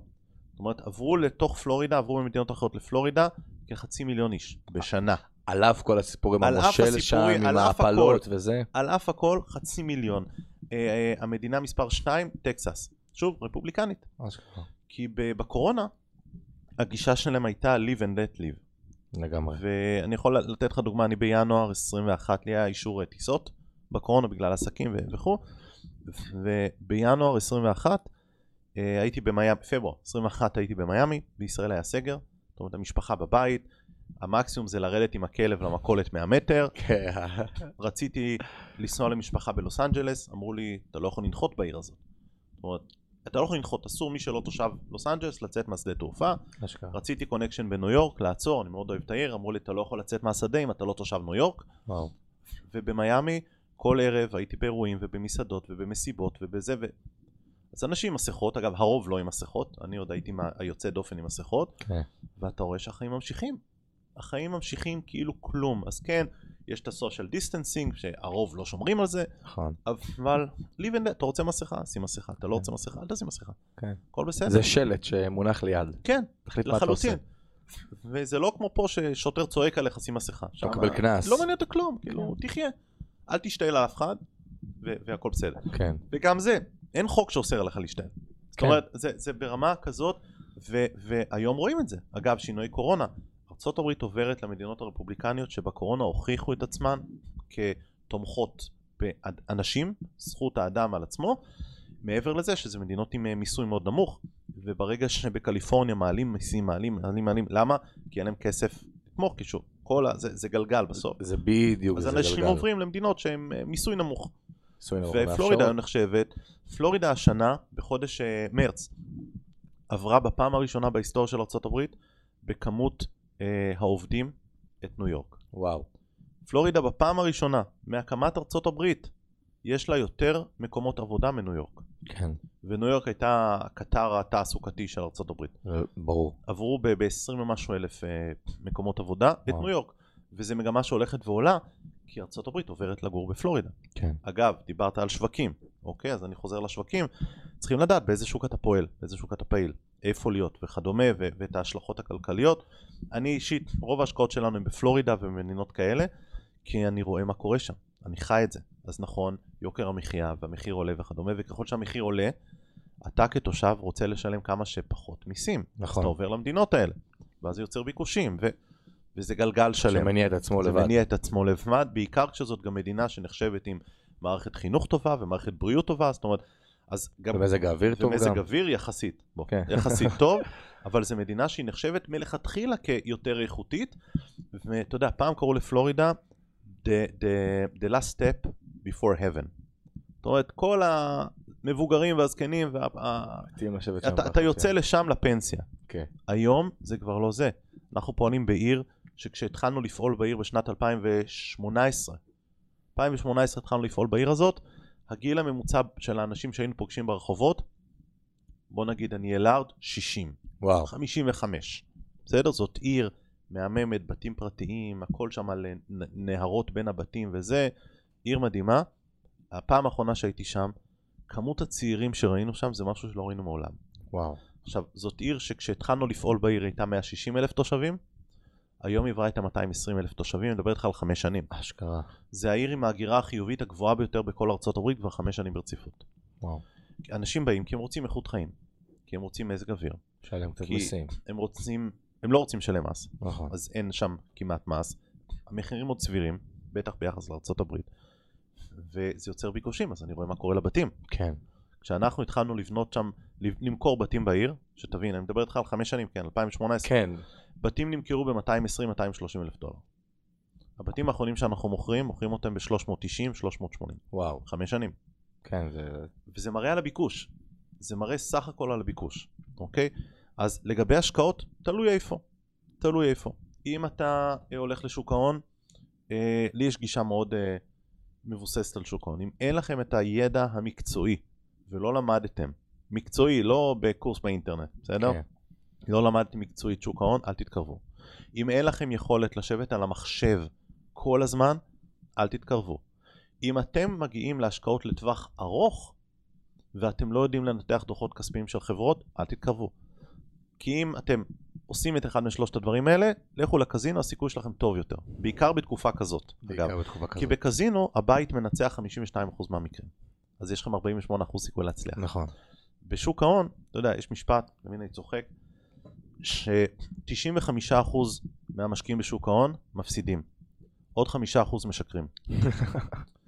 כי, כי מי שלא באמת חי את זה ועובד בזה, אז הוא יצליח פעם, פעמיים, ואני מזכיר לך, כשאני מדבר על הצלחה זה לא פוקס, זה לא חד פעמי, זה כן. שוב ושוב ושוב. ולשמור על, על עקביות, בתשואה, להצליח בתיק. ההשקעות. אני מכיר חבר'ה שעושים את זה ועושים את זה שנים וחיים מזה יפה. אבל הם 8-10 שעות ביום על המחשב, הם למדו את זה כמה שנים, הם חיים את העולם הזה. הם חיים את העולם הזה, הם יצאו מהעולם הזה, הם ניהלו נכסים, אז this is what they do, זה. העבודה שלהם. בדיוק, כי הרבה אנשים חושבים ששוק ההון זה סיימתי את המשמרת שלי בשעה שלוש בצהריים. ישבתי בארבע על המחשב, והרווחתי כן. אלף דולר עד חמש. ארבע וחצי נפתח המסחר, שעון ישראל, ואתה ארבע ארבעים וחמש, אתה כבר עם, ה, עם, עם חבר שלך באיזה קפה. בדיוק. עכשיו, בשנת 2020, שהעולם הזה נכנס לתודעה של כולם, באמת שוק ההון אפשר את זה, כי שוק ההון עלה מהתחתית המדד ריבית אפס, אז כל ה... אתה יודע, בדיוק. גשם כולם נרטבים. בול, הבעיה בדיוק. שהגשם הפסיק. יפה. ופתאום כשהכסף, הגשם מפסיק, אז אתה מתחיל, אני תמיד קורא לזה ש, שיש, אני מתאר את זה כמו אמבטיה או בריכה, שיש מים כולם צפים. שפתאום המים מתחילים להתרוקן, שהריבית טיפה עולה, שיש לי אינפלציה, שיש לי מיתון, אתה רואה מי נשאר בלי, מי בלי מכנסיים. וזה בדיוק העניין, מה שקורה עכשיו בשוק ההון, ואנשים לא מבינים. ואז אנשים נכנסים למעגל הזה של, הפסדתי בשוק ההון, מתי הוא ייכנס שוב פעם? שקרן מרציאנו בתוכנית חיסכון תגיד השווקים עלו בחמישה אחוזים לוורן. באפט יש משפט יפה על זה. שאלו אותו פעם בריאיון, מתי אתה יודע לצאת מהשוק? אז הוא אמר, כשהקופאית בסופר מדברת איתי על מניות, אני יודע שזה הזמן לצאת. כשיש פרסומת בתחנות אוטובוס של הבורסה לניירות ערך, בדיוק. זה הזמן לצאת. הוא אומר, זה, אז אני יודע שזה הזמן לצאת. ועצוב לי להגיד, אבל כבר שנתיים הקופאיות בסופר מדברות איתך על מניות, לפי אותה אנלוגיה, כן, בסדר? ואנשים חוו משברים מאוד גדולים, וכשהריבית עולה, החברות מגיעות למצוקה. עכשיו, נכון, על הרבעון הראשון עוד חברות פרסמו דוחות יחסית חזקים, כי הם היו מאוד מאוד חזקים בגלל 22-21 כסף שפיזרו עליהם, והריביות עוד אז לא היו גבוהות כמו היום. זאת נכון. אומרת, את ההשפעה של הריביות של החצי שנה האחרונה אנחנו נרגיש בדוחות 23. ואז נתחיל להרגיש את זה. ולא סתם בנקים שמיד הם, את שינוי הריבית בנקים מרגישים מיד. מיד. לא סתם, תחשוב, שלושה בנקים ענקיים נפלו תוך חודשיים. כן. ענקיים. כבר אף אחד לא... פרסט ריפבליק בנק זה הבנק השלישי ב- ב- בכמות הנכסים שלו ב- בקליפורניה. הוא היה מקום 14 עד לפני שנתיים בארצות הברית, כאילו, הוא בדיוק. בנק מספר 14. SVB, הבנק ש- שהוביל את ההייטק. עכשיו ברגע שטיפה ההייטק נפגע, הבנק נפל. כן. והיה שם גם rundown, זאת אומרת, היה שם גם שיקולים נכון. שהמשקיעים בעצמם גרמו לנפילת הבנק. כן. אבל זה לעניין אחר, הוא היה נופל ככה או ככה. או ריפבליק. בנק, הכתובת הייתה על הקיר כבר לפני חודש. ויש עכשיו בנק נוסף שכבר רואים את החשש לגביו. ואתה יודע, אתמול קראתי, יצא השבוע מאמר של אה, כלכלנים מאוניברסיטת פרינסטון. לא יודע אם נתקלת בו, שהם הלכו ובדקו לאור משבר הבנקים בחודש האחרון את מצב הנכסים. והם באו ואמרו שלפי ניתוח הנכסים של הבנקים, הנכסים של הבנקים בארצות הברית נמוכים ב-2.2 טריליון דולר במה שמוצג בדוחות. וואו. עכשיו, מי שלא מבין, כן, זה... זה אומר שלבנקים אין באמת את הנכסים שהם טוענים שיש להם לגבות את הכסף שלהם. כן, אין להם את הנזילות, אם מחר אני אבוא ואני ארצה למשוך את הכסף. בדיוק. אין. עכשיו, המזל הוא כרגע, והם גם אמרו, הבשורה הטובה היא שצריכים שהמון אנשים ימשכו את הכסף שלהם. זאת אומרת, לא מספיק שקצת ימשכו. בנק פה, בנק שם וכדומה, אבל כמערכת, הסיכוי שזה יקרה זה מאוד מאוד נמוך. כן, אבל זה רק מראה את התמונה שבאים ושמים לב, גם אתה אפילו יכול לראות, יש אתמול גרף שפרסמתי לחבר'ה שלי באינסטגרם על כמות הפקדונות שנמשכו מהבנקים בתקופה האחרונה, נכון. כי אני פתאום צריך לכסות על ההלוואות שלקחתי. מאות מיליארדים. מאות מיליארדים, ואתה רואה את העקומה בירידה חדה כלפי מטה, שהדבר הזה הוא באמת אה, יוצר אה, תחושה מאוד אה, מפחידה בשווקים. לאן אבל אתה חושב שמפה אנחנו הולכים? אני חושב שהולכת להיות תקופה לא פשוטה. גם בשווקים אה, יהיו תנודות, יהיו נפילות, יהיו קריסות. רואים את חברות ההייטק הגדולות והיציבות מתחילות לפטר, ולפטר בגדול. כן. וזה חברות שיש להם, בוא, אי אפשר להאשים את אמזון שאין להם כסף. אי אפשר להאשים את פייסבוק שאין להם כסף. אמזון ופייסבוק סגרו מחלקות שלמות, פיטרו גם בארץ. דרופבוקס, חברת הענן הכי גדולה בעולם, סגרה מרכז פיתוח בישראל. זאת אומרת, וכל, אתה יכול להאשים את זה ברפורמה, בסדר? אני יכול להגיד לך, זה לא קשור, לא קשור לשום דבר, זה הכל שיקולים כלכליים. ורואים את זה כי גם הם מבינים לאן נושבת הרוח, גם הם מבינים שהכסף כבר לא זול, כשהריבית הייתה 0%, 0.1%, כמו שאמרת, רק תיתן כסף, אני אבזבז, אני אשתמש. שיורד גשם כולם נרטבים. אבל היום הריבית, ואני רוצה לציין משהו לגבי הריבית, כי הרבה אומרים, יצא לי בימים האחרונים להגיד, הריבית מאוד גבוהה, חבר'ה, לפני 15 שנה הריבית הייתה 17 אחוז, בואו, בואו לא 20 שנה, בואו לא נתרחק. פשוט התרגלנו לטוב. התרגלנו. והריבית, אם מסתכלים היסטורית, הריבית הממוצעת במשקים, כשהכלכלה אגב הייתה יציבה בתקופה, זה סביב 4-4.5 אחוז. זאת אומרת, זה הריבית שמבחינה היסטורית ומבחינה אגב כלכלית גם, הגיוני שיהיה. זאת אומרת, אמנם עלינו קצת יותר, ההערכה שלי זה שעד סוף שנה נתחיל לראות ירידות. אני, אגב, מינואר אני כבר אומר את זה, שהריבית תעלה עד אמצע שנה. ברבעון האחרון תתחיל לרדת, זה יכול להיות נובמבר, זה יכול להיות דצמבר, זה גם יכול להיות ינואר, כן. בסדר? אני לא נביא. זה לא משנה על החודש, אבל במגמה רוחבית. אבל המגמה תרד. אני מאמין שאת סוף 24 אנחנו נהיה עם ריבית של, אני מדבר על ארה"ב, כן. של סדר גודל סביב 4.5 אחוז, רבע אחוז לפה לשם, כי זה הריבית הריאלית של המשק, זה הריבית שאמורה להחזיק ולייצב אינפלציה סבירה. כן. עכשיו, having said that, לא יודע מה יהיה, מחר uh, תיפתח מלחמה באירופה, זה ישנה את כל התמונה. לכל התמונה. מחר סין יחליטו להשתלט על הכלכלה העולמית, ואגב, סין, אתה הזכרת קודם את הייצור של סין היום בנקודה שכדי להשתלט על הכלכלה העולמית, היא צריכה להחליט. כזה, בדיוק. ברמת החלטה, זה, זה ב... לא ברמת פעולות. בדיוק, זה, הפעולות כבר בשטח. הפעולות בוצעו, הפעולות כבר בשטח. כן. Uh, הבריקס, שזה הארגון של uh, ברזיל, רוסיה, הודו, סין, דרום אפריקה, האיגוד הזה שאגב סעודיה והאמירויות הצטרפו אליהם עכשיו, נכון. מקסיקו רוצה להצטרף, ארגנטינה רוצה להצטרף, צרפת לא שללה את ההצטרפות הזאת והם כבר היום מייצרים, אה, מהווים חצי מאוכלוסיית העולם, הקבוצה הזאת, ו-37% מהתוצר העולמי. שזה מדהים, זה נתונים אומרת, כאילו... וזה לפני הצטרפות uh, הרשמית של סעודיה, איחוד האמירויות, מקסיקו, ארגנטינה וכדומה, זאת אומרת, כשהם הצטרפו אליהם, זה אומר קבוצה בהובלת סין מייצרים חצי מהתוצר. כן, וזה בדיוק כמו שאמרת, זה קבלת ההחלטה. וזה החלטה נטו, זה רק החלטה שהם רוצים, כי ברגע שהסינים יחליטו, סוג, שמים לך מכסים על ייצוא לארה"ב, מתנתקים מהמערכת הדולרית, ואין לארה"ב מה לעשות. אין להם מה לעשות. אין, אין, אין. גם צבאית אגב, הכוח הצבאי הוא לא רלוונטי היום, אי אפשר.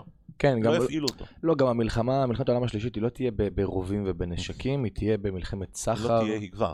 כן, היא כבר, אבל היא... היא כבר מלחמת סחר ו- ומלחמה, היא תהיה מלחמה דיגיטלית. כן, שאמרת שהירייה הראשונה נאותה, זה לא באמת ירייה, זה, ה, כמו שאמרת, הכוחות שפועלים. האירוע הראשון, כן. בול, זה האירוע הראשון. אז אני אשאל אותך שאלה, אני עכשיו נגיד מאזין שמאזין. ואיכשהו ישראל תמיד תשלם, ברור לך. כן. כן. איכשהו תמיד אנחנו נשלם על הדבר. גם המפה הגלובלית. ליטרלי באמצע. בדיוק.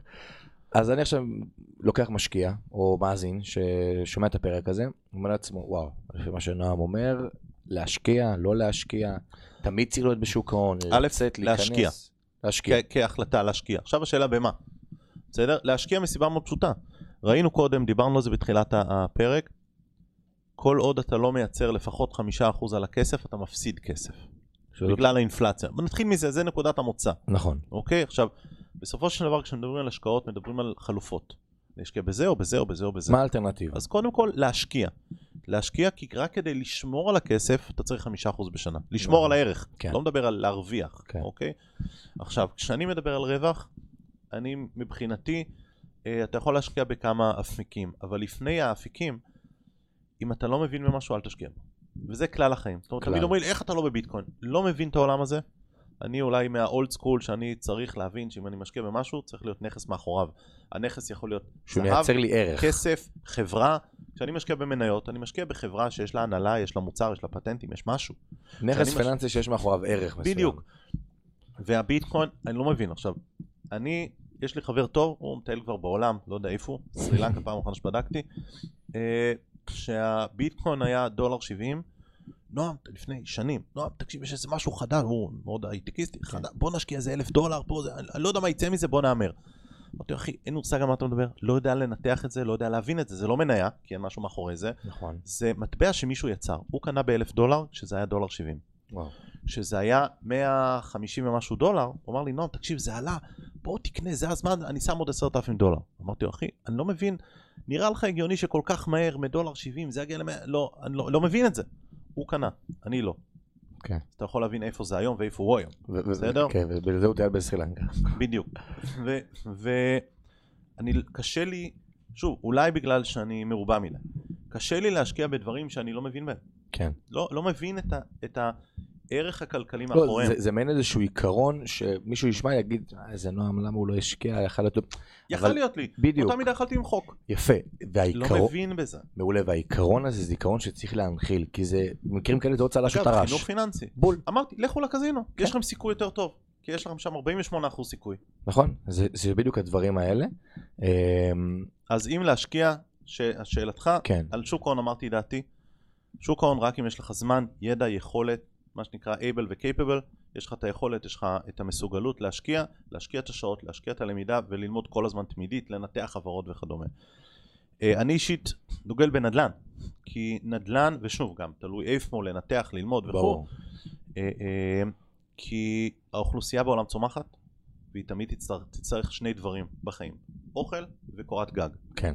אוכל וקורת גג זה לא משנה מי אתה, מה אתה, איפה אתה, אלה שני דברים שאתה חייב. קורת גג זה נדל"ן. בסדר? אוכל זה סחורות, לא מבין בזה, לא מתמצא, לא משקיע. נכון. נדל"ן, למדתי, אני כבר 15 שנה מתעסק בזה, כל הזמן לומד, כל שנה טס לחו"ל, כי בארץ אין באמת אה, יכולת ללמוד כמו שצריך, גם בכל תחום, גם בהתפתחות אה, אה, אישית. אישית. אני הגעתי למצב שאני מייעץ למנטורים המובילים בארץ. כן. אז, אז אני יוצא לחו"ל. בגלל זה הבאתי את. גרנד, כי, כי אמרתי אין לי כלום בארץ, אני אביא משהו מחו"ל. נכון. ואז אני יוצא ללמוד בחו"ל, גם על נדל"ן ו- וכדומה, כדי כל הזמן להתעדכן וללמוד, וכי מי שאומר אני יודע הכל, הוא לא יודע כלום. מי שבאמת מצליח, הוא כל הזמן לומד ומשת... ו- ומשתפר, וזה ללמוד לנתח מה המגמות ולאן עובר, אגב, כמו פלורידה. כן. זיהינו ישר מה קורה בפלורידה, ובקורונה זיהינו את פלורידה ולקחנו, אה, אה, עשינו הרבה השקעות בארצות הברית בתקופה הזאת, בזמן הקורונה, כי, אתה יודע, לווינסטון צ'רצ'יל היה משפט, אף פעם אל תבזבז משבר טוב. שזה- ואנחנו היום עם משבר, נכון. חבל לבזבז אותו. זה הזמן לעסקאות בול. מדהימות, אבל שוב, באחריות, לדעת מה עושים, איך עושים. מישהו שלח לי הודעה לפני שבוע. נועם, שמתי את היד על עסקה מדהימה, נתן לי נתונים, אומר לו, איפה? אומר לי, לוס אנג'לס. אמרתי לו, תודה, רבה, הבנתי, לא תודה. לא, לא רלוונטי. כן. לא רלוונטי. שזה בדיוק מה שאמרת עכשיו, זה עצם זה שאנחנו יודעים שיש משבר, זה כבר הזדמנות טובה, שהקבלת ההחלטה ולא להיות מונעים מהפחד שב-2020 שמנו והפסדנו לא משנה מה קורה. ואם אני כבר מקבל את ההחלטה להתחיל, אז לפתוח היום חשבון השקעות, להתחיל לקנות איזשהו נכס מסוים, זה קל, יש לך כסף, לך תעשה. להרוויח את הכסף ולצאת עם עסקה טובה, זה החלק שבו צריך ללמוד, להקשיב, להיות צנוע, להבין. אתה יודע, יש שלושה דברים שאנשים לא מבינים, ולדעתי זה אחלה, אחלה נושא ל- ל- לסיום שלנו. אנשים לא יודעים שלושה דברים. דיברנו על חינוך פיננסי, יש שלושה דברים שאנשים צריכים ללמוד ולדעת ולתרגל ולהתמקצע. אחד, הם לא יודעים איך לעשות כסף. שתיים, הם לא יודעים איך לשמור על הכסף. שלוש, הם לא יודעים להשקיע את הכסף. אנשים לא יודעים איך לעשות את הכסף כי הם יושבים מול הנטפליקס שש שעות ביום, מול כדורגל או כדורסל או ווטאבר, במקום לשבת ולהקים עסק. שתיים, הם לא יודעים לשמור. כי מה קורה? ברגע שאתה, רוב האנשים מקבלים איזה בונוס, מה הם ישר הולכים לעשות? מבזבזים. מבזבזים אותו, לקנות, מעלה נכון. רכבים, בוא ניסע, בוא זה, הם לא יודעים לשמור עליו. ושלוש, הם לא יודעים להגדיל אותו. לא יודעים להגדיל אותו כי הם לא לומדים השקעות, או שהם לוקחים הימורים, או שהם משקיעים בדברים שהם לא מבינים וכדומה. שזה דבר בנוי על דבר. שזה כאילו. דבר בנוי על דבר. עכשיו, תבין, אם אנחנו מסתכלים על תשואה של 8%, אוקיי? 8%. 8% שזה זה, זה תשואה בעיניים שלי, שוב, יהיו כאלה שיגידו אתה לא נורמלי וזה, אבל בנקודה שאני הגעתי אליה בחיים, 8% זה ריבית מאוד, זה תשואה מאוד מאוד נמוכה. אוקיי? מאוד נמוכה. מבחינתי 8% זה כישלון. זה מחכה מדד. פסיבי לחלוטין. משהו גרוע. זאת אומרת, אני היום, עם הכסף שלי, השקעות פחות מ-14-15% אני לא מסתכל. לא בוחן אפילו את ההשקעה, זאת אומרת, תבין, ברמת שוב, הכדאיות. ידע, ברמת כן. הכדאיות, ידע, שוב, עם, ה- עם השנים והידע אתה, אתה לומד נכון. להשיג את הדברים האלה, אבל 8%, אם מישהו ייקח את הכסף וישקיע אותו ב-8%, במקום סיכון נמוך, תוך כמה שנים הוא מכפיל את הכסף? תוך... אה, כן, תוך פחות מעשור, יש לו כפול. נכון. כפול, וזה בסיכון נמוך. קח 15%.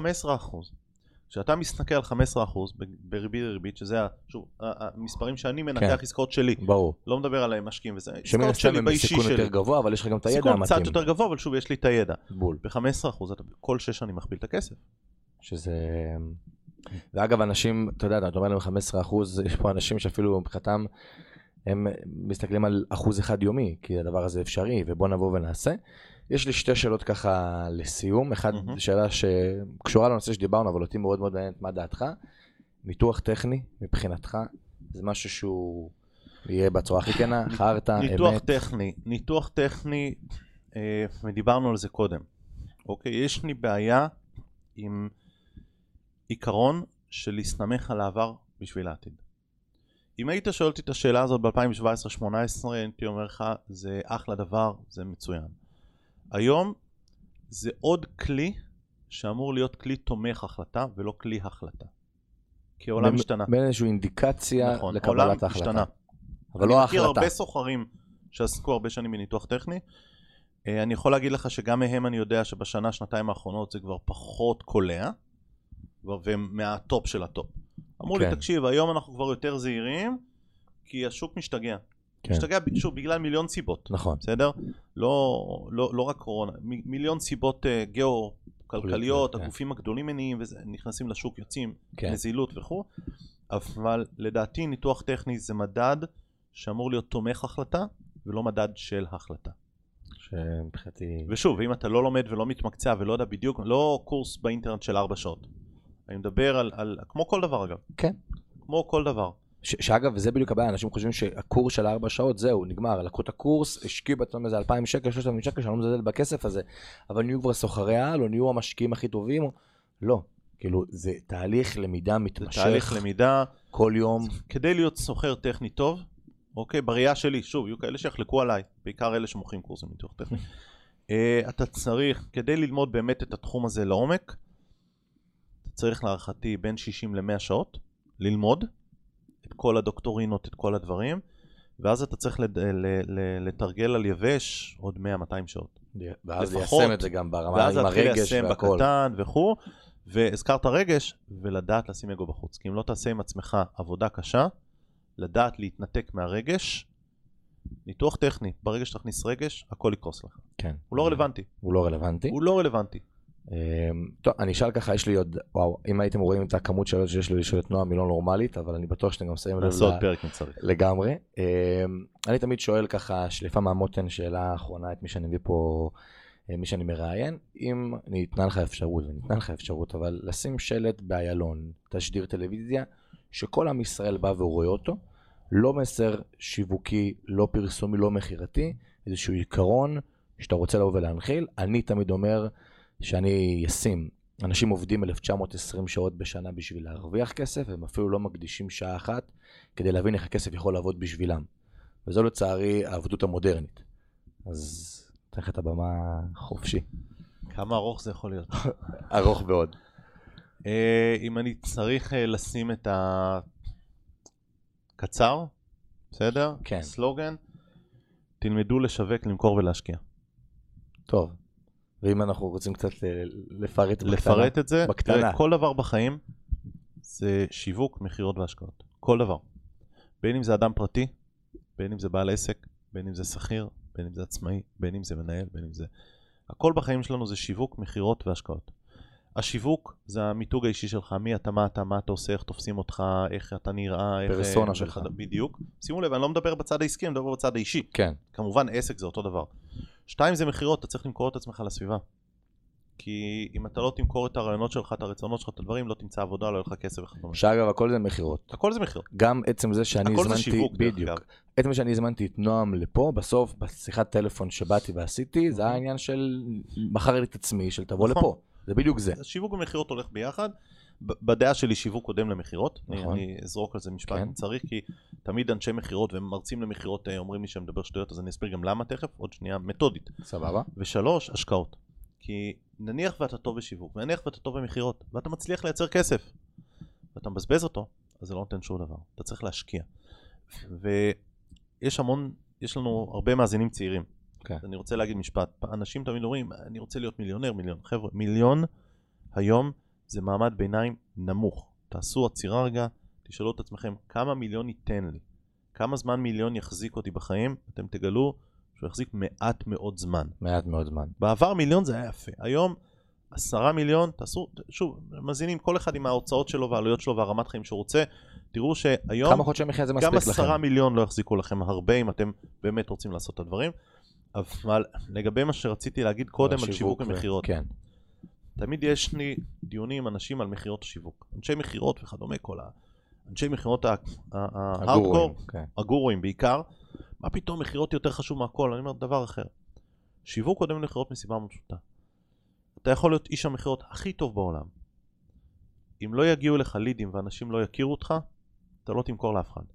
בול. אתה יכול להיות איש מכירות גרוע, אבל אם כולם יכירו אותך וכולם ישמעו עליך ויגיעו לך מיליון לידים, אתה תמכור. נכון. זה עניין של scaling גם. זה עניין של scaling. ושיווק מביא למצב שיכירו אותך וידעו מי אתה, ואם לא ידעו מי אתה, לא יקנו ממך. כן. ולא יקנו ממך, לא יהיה לך כסף. לא יהיה לך כסף, לא יהיה לך מה לחיות, לא יהיה לך מה להשקיע, לא יהיה לך מה לצמוח, וזה גלגל בסופו של דבר. ללא ספק. אמ, טוב, אז אני חייב להגיד קודם כל המון המון תודה על הזמן שבאת, הקדשת. אני יכול להגיד, חקרתי עליך ו- ולמדתי עליך לפני שבאת והגעת, ולמדתי עוד המון המון דברים. יש לי המון תובנות שאני יוצא מהפרק הזה, אני בטוח שגם אתם. חצי מהשאלות לא נגענו בהן. כלום, כלום. אולי נגענו בשאלה 1 עד 4, ויש פה מעל 20 שאלות. אה, אז תודה רבה לך. בכיף. ותודה רבה לכם שהאזנתם, צפיתם, יוטיוב, אה, ספוטיפיי, אפל מיוזיק, הכל. ניפגש פה שבוע הבא, אה, אותו יום, אותה שעה, שיהיה לכם המשך שבוע מקסים. תודה.